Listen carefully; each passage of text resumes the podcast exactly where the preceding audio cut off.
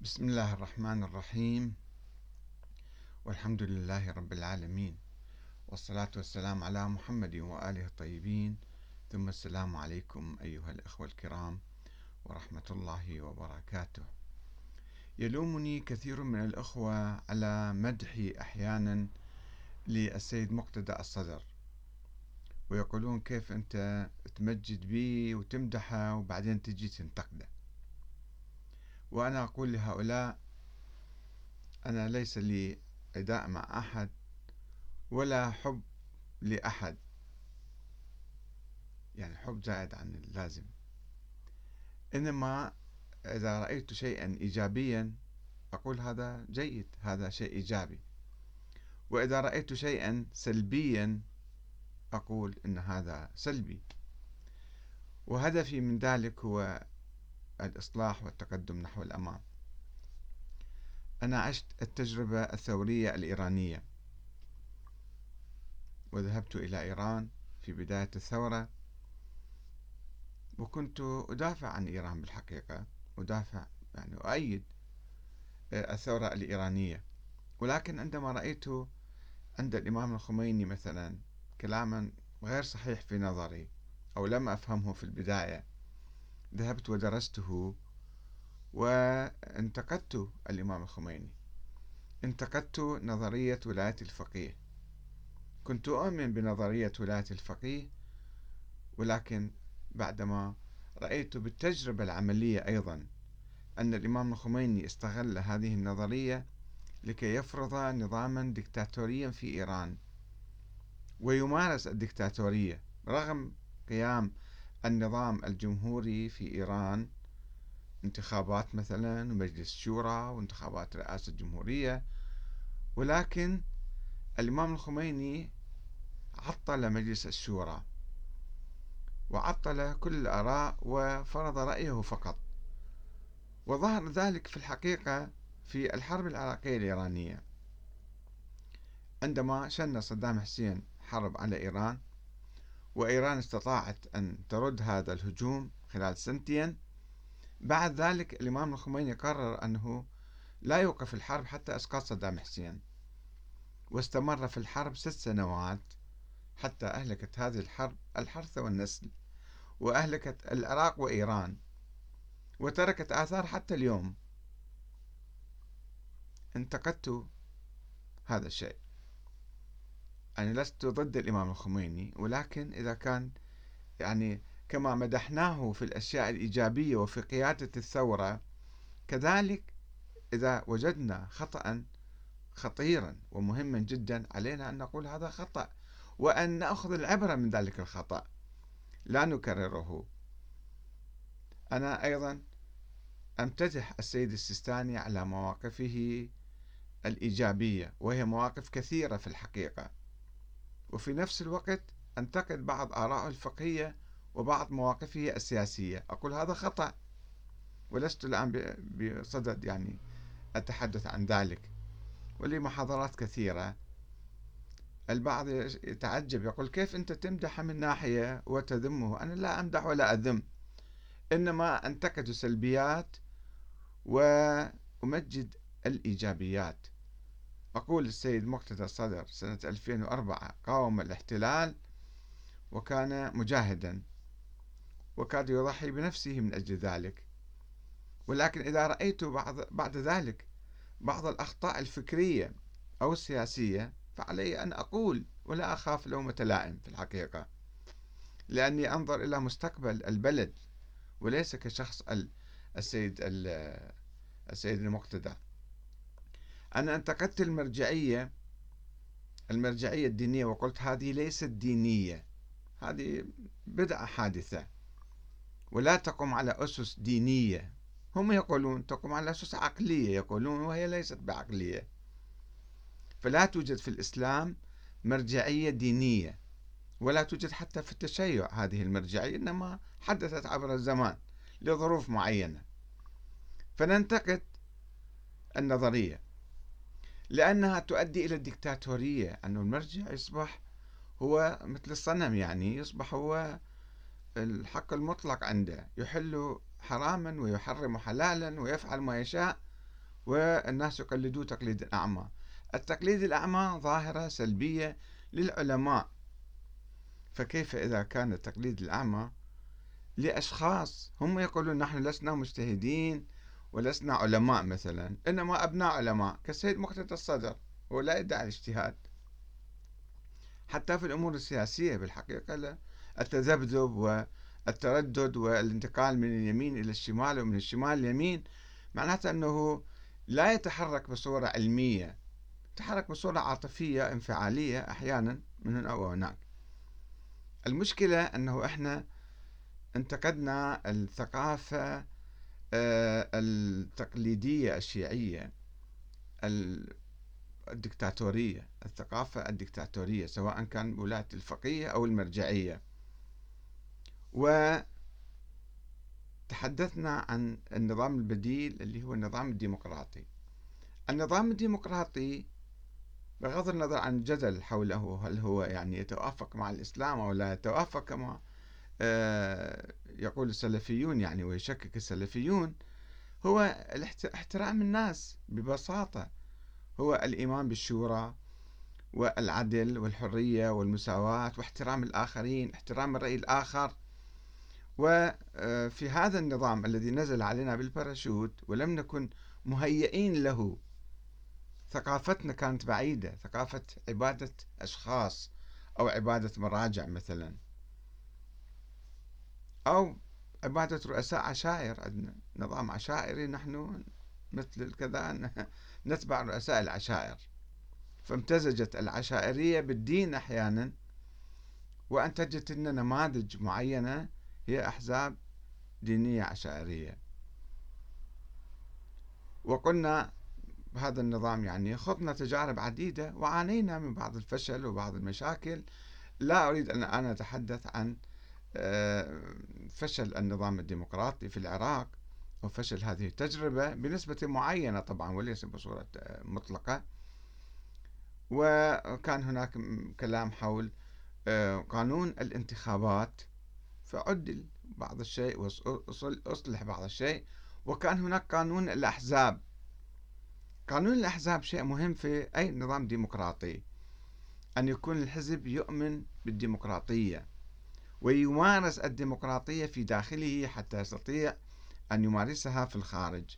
لا يحمل فكرا استبداديا فكرا دكتاتوريا فكرا مرجعيا دينيا. أنه أنا مرجع ديني وعليكم اتباعي وتقليدي. هذا لا يتفق مع الديمقراطية. الديمقراطية يعني أن كل إنسان يبدي رأيه بحرية ويناقش الآخرين بحرية ويحترم الآخرين جميعا ولكنه لا يعبد شخصا.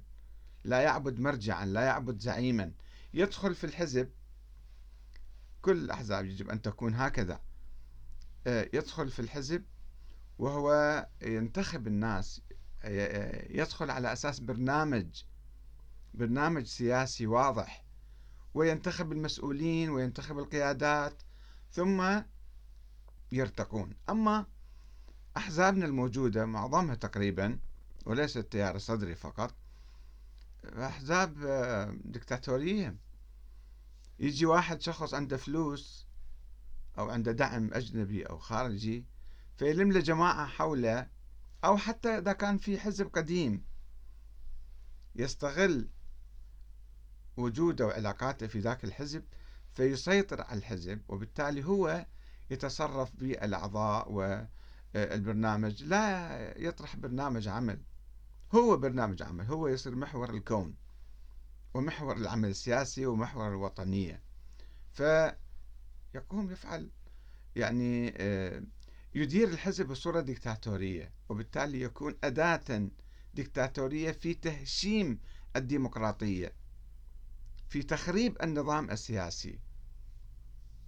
لذلك وضعوا قانون الأحزاب أنه الأحزاب تكون فيها انتخابات وفيها حرية وفيها نقد وفيها تغيير للمسؤولين تغيير القيادات هذا ما موجود في كثير من الأحزاب ومنها التيار الصدري بالحقيقة اللي تيار يتمحور كله حول شخص واحد يجب أن تطيعوني إلي. حتى النواب الموجودين في البرلمان 30 40 50 100 إن شاء الله ما لهم رأي. ماذا يقول لهم السيد مقتدى؟ هم يجب أن يفعلوا ويعملوا. ما لهم رأي في أي شيء.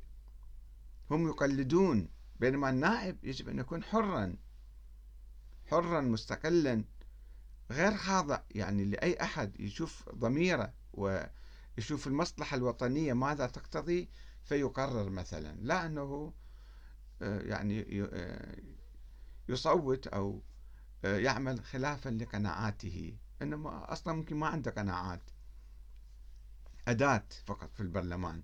ولأنه هو إجا بالبرلمان ليس بجهوده الخاصة إنما لأنه انتمى لفلان واحد وذاك صعده بالانتخابات باسمه صعده وبالتالي هو يفقد حريته لأنه أساسا أخذ رشوة وأخذ كذا وأعطى رشوة وصعد بالانتخابات. كثير من الأحزاب هكذا ليس فقط هذا التيار أو ذاك. فالنظام الحزبي شيء مهم جدا. قانون الأحزاب اقرأ قانون الأحزاب. هؤلاء النواب وضعوه في شروط كثيرة حتى تكون العملية كلها ديمقراطية. تمويل الأحزاب. من أين التمويل؟ لازم تكون مصادره واضحة ومبينة وين منين تجي وين تروح. الصرف كله يكون واضح. هذا مو موجود في كثير من الأحزاب وعلى رأسها التيار الصدري. ف مع الأسف الشديد يعني إحنا كنا نقول أن التيار الصدري يقوم على محور شخص واحد ولكن آه، هو التيار أعلن عن ذلك أعلن قبل أيام يوم 4 2 2021 ما يسمى بوزير الصدر اللي هو يمكن نفسه هو الله أعلم لأنه شخص مجهول فقط واحد يكتب أنه هو الناطق الرسمي باسم الصدر أو هو يعني وزير الصدر صالح محمد العراقي نشر بيانا على تويتر وكان في شيء ملفت حقيقة يعني آه، دعوة إلى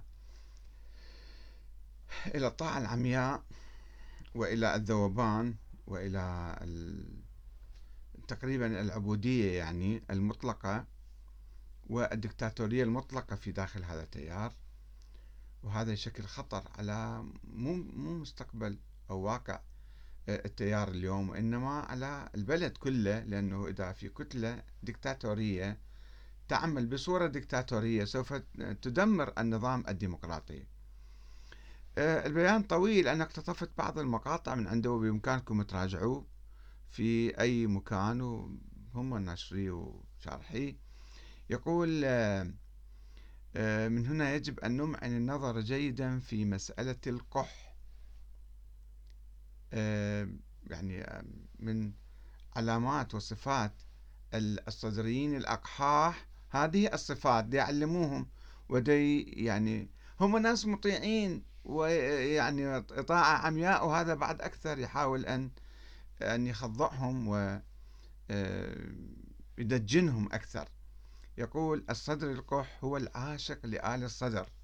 يعني هي حركة سياسية وطنية عراقية اجتماعية أم هي حركة عشائرية؟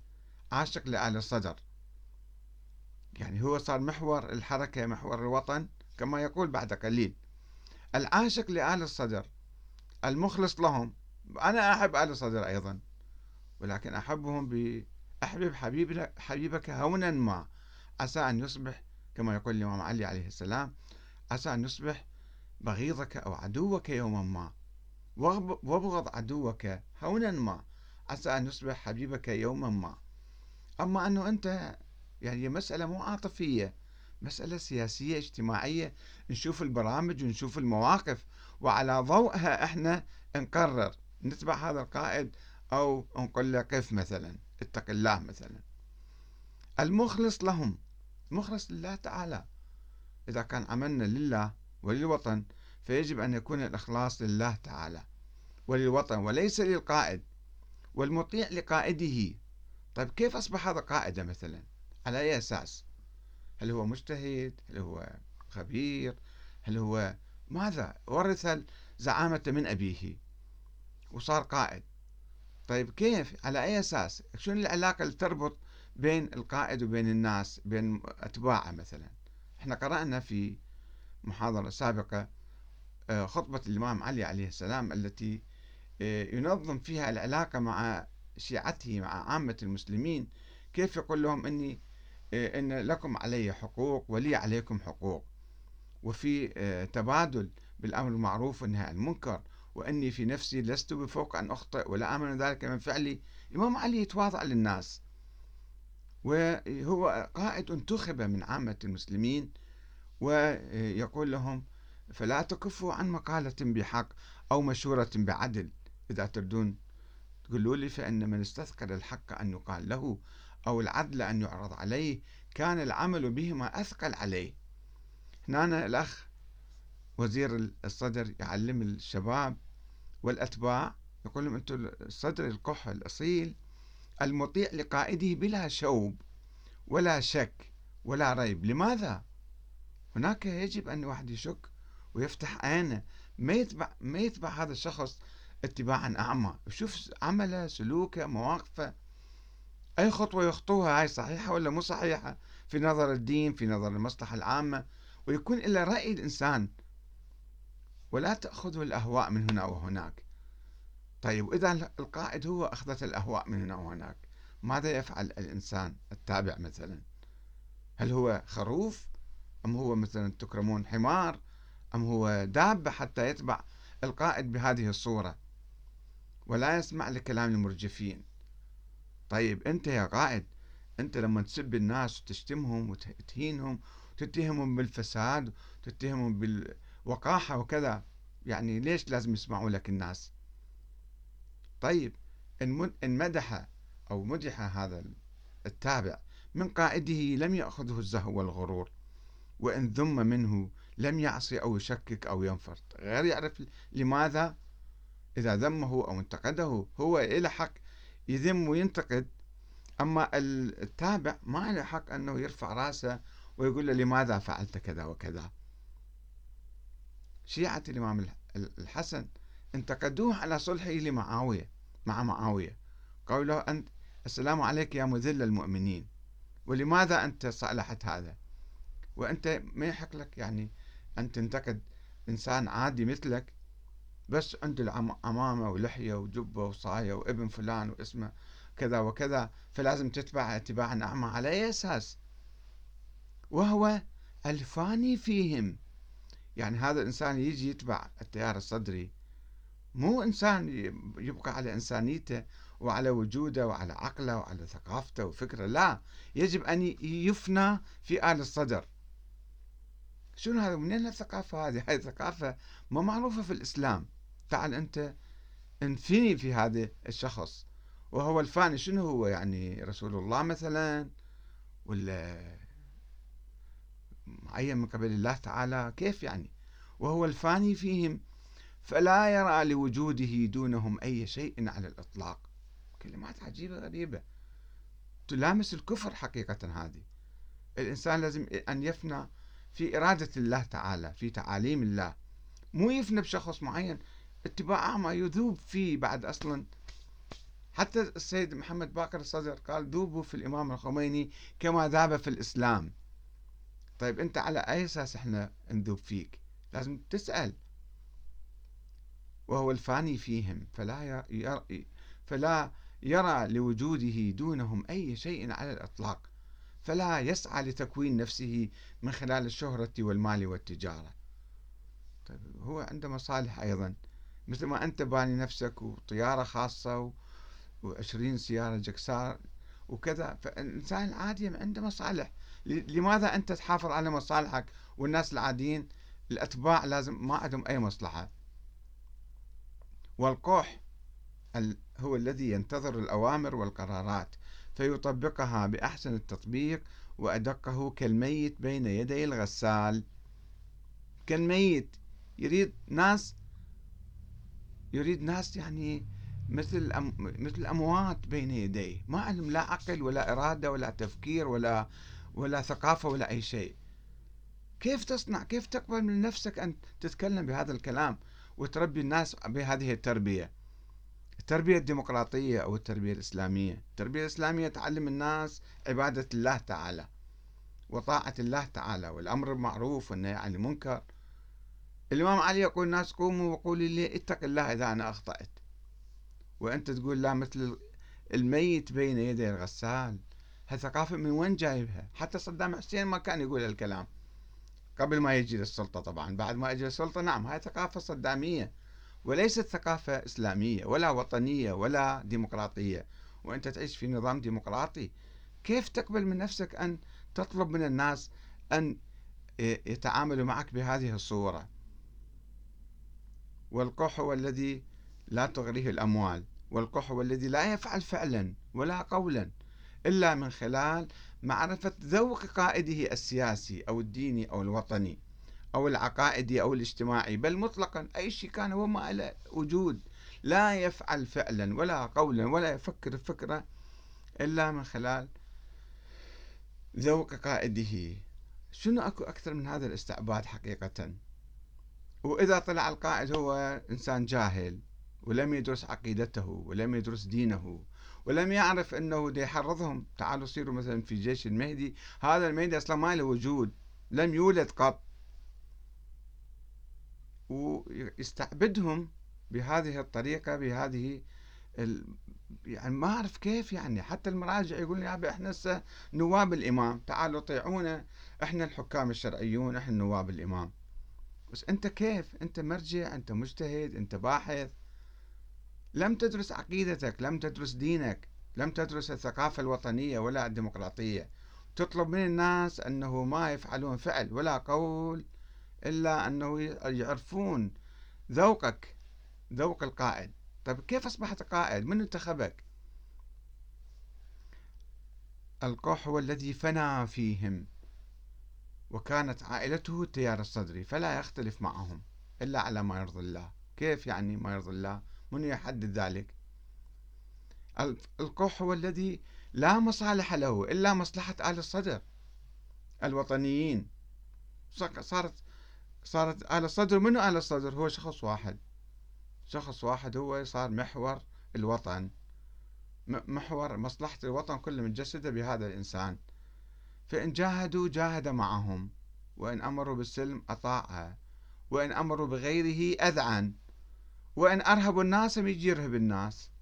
إذا قاموا باستعراض مثلا عسكري وأرهبوا الناس بالليل ويزعج الناس ويرهبوهم ويستعرضوا عضلاتهم هو هم لازم يروح يركض معاهم. ما يتأخر. صح؟ أداة ميتة صار.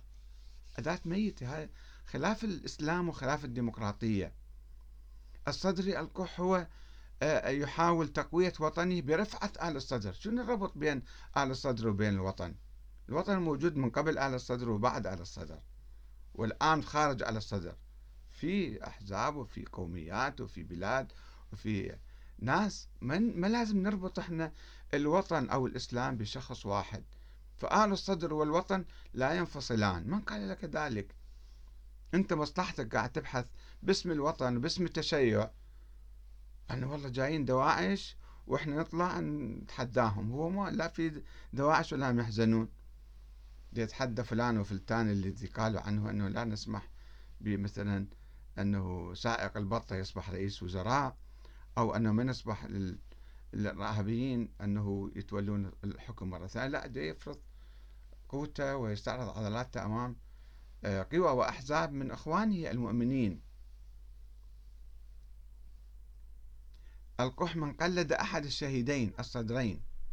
طيب قلدناهم وراحوا. الآن في الحياة اليومية كيف يقلد الشهيد الصدرين؟ أصلا التقليد هو بدعة. التقليد في الشيء مذموم علماء الشيعة السابقون.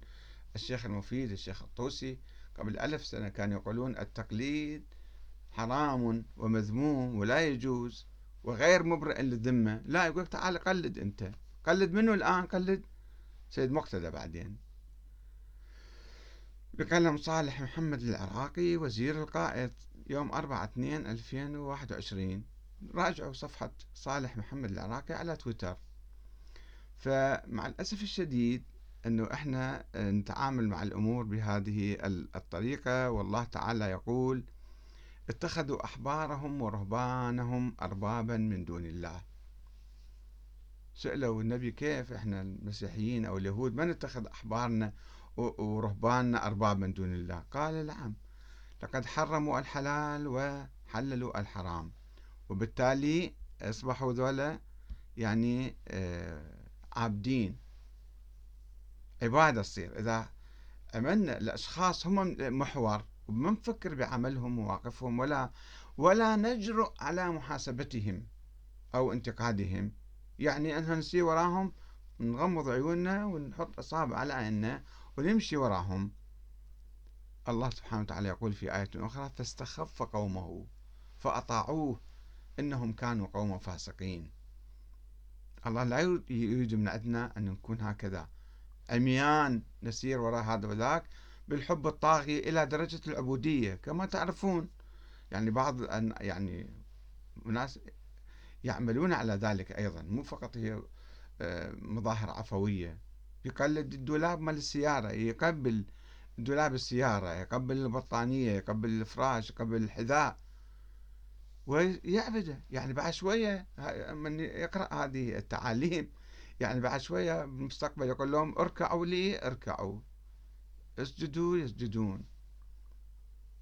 فتصير عبودية هذه اتباع إنسان من دون تفكير ومن دون وعي ومن دون نقد ومن دون آه، يعني شك بكلامه ومن دون معرفة الدليل. هذا يؤدي به الإنسان إلى المهالك ويكون كتلة ديكتاتورية وإذا آه، تسلحت بسلاح بعد تصير ديكتاتورية مضاعفة ترهب الآخرين. أن هؤلاء مثل يعني جيش أعمى نسلطهم على أي إنسان على أي حزب على أي جماعة نرهب الآخرين نقتل مثلا عادي القتل التعذيب الاختطاف القتل. وإذا صارت لا سمح الله حرب أهلية فذول كلهم مستعدين أن يخوضوا هاي الحرب بدون تفكير. يقول لهم لا تفكروا. إن جاهدوا جاهد معهم. جاهد يعني شنو؟ يعني أدخل معركة. ماكو جهاد في سبيل الله الآن. جهاد في معارك الداخلية. تحضير هؤلاء هذه الكتلة الكتلة العمياء تصبح خطرة جدا إذا كانت مسلحة أيضا. كتلة ديكتاتورية تهدد النظام الديمقراطي.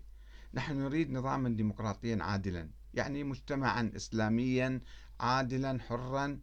آه، نحترم فيه آه، الجميع ونلجأ إلى القانون ونعمل انتخابات مثلا. انتخابات بصورة سلمية مو بصورة آه، إرهابية. أن واحد مسيطر وهو يريد يفوز غصبا على الجميع وأنا راح أفوز وأشكل الحكومة.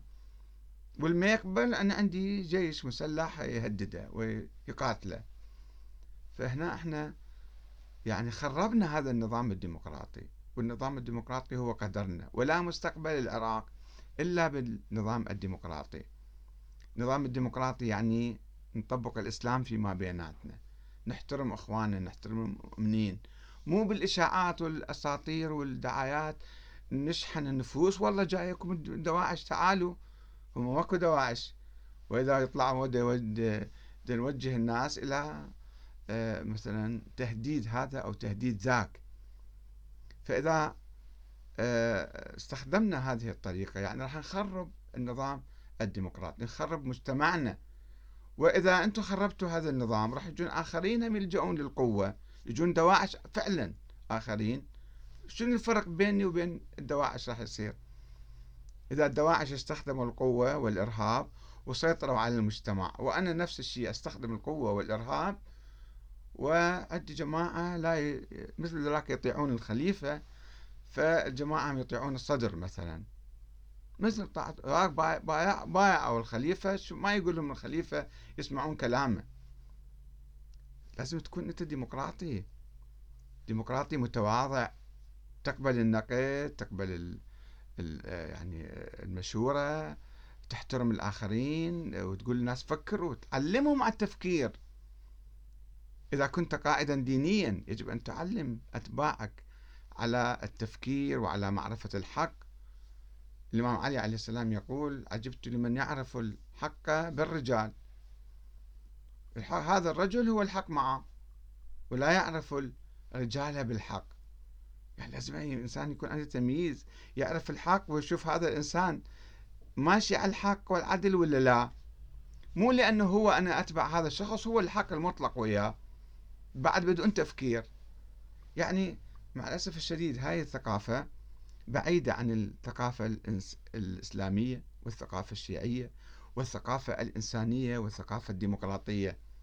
وندعي نحن مسلمون شيعة علي بن أبي طالب وديمقراطيون أيضا ونعيش في نظام ديمقراطي. إحنا بهالصورة راح نرجع لورا ونخرب كل شيء ونهدد كل شيء لا سمح الله.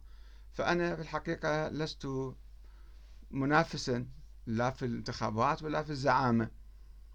ولا أيضا آه، عندي مصلحة مع شخص حتى أمدحه أو أذمه. إنما عندما يقوم بعمل إيجابي أقول هذا عمل إيجابي هذا عمل صحيح. وعندما يقوم بعمل خاطئ أقول هذا عمل خاطئ. وأحذر في الحقيقة من هذه الثقافة السلبية التي تهدد العراق. تهدد الشيعة أيضا. تهدد التيار الصدري لأنه سوف يكون هناك رد فعل من الشعب على هذه الثقافة وعلى هذه السياسة اللاديمقراطية السياسة الاستبدادية الدكتاتورية. سوف تحدث انشقاقات في داخل التيار الصدري كما حدثت كثيرا ويحدث رد فعل من الشعب على أي واحد يحاول أن يسيطر عليه بالقوة والإرهاب. والسلام عليكم ورحمة الله وبركاته.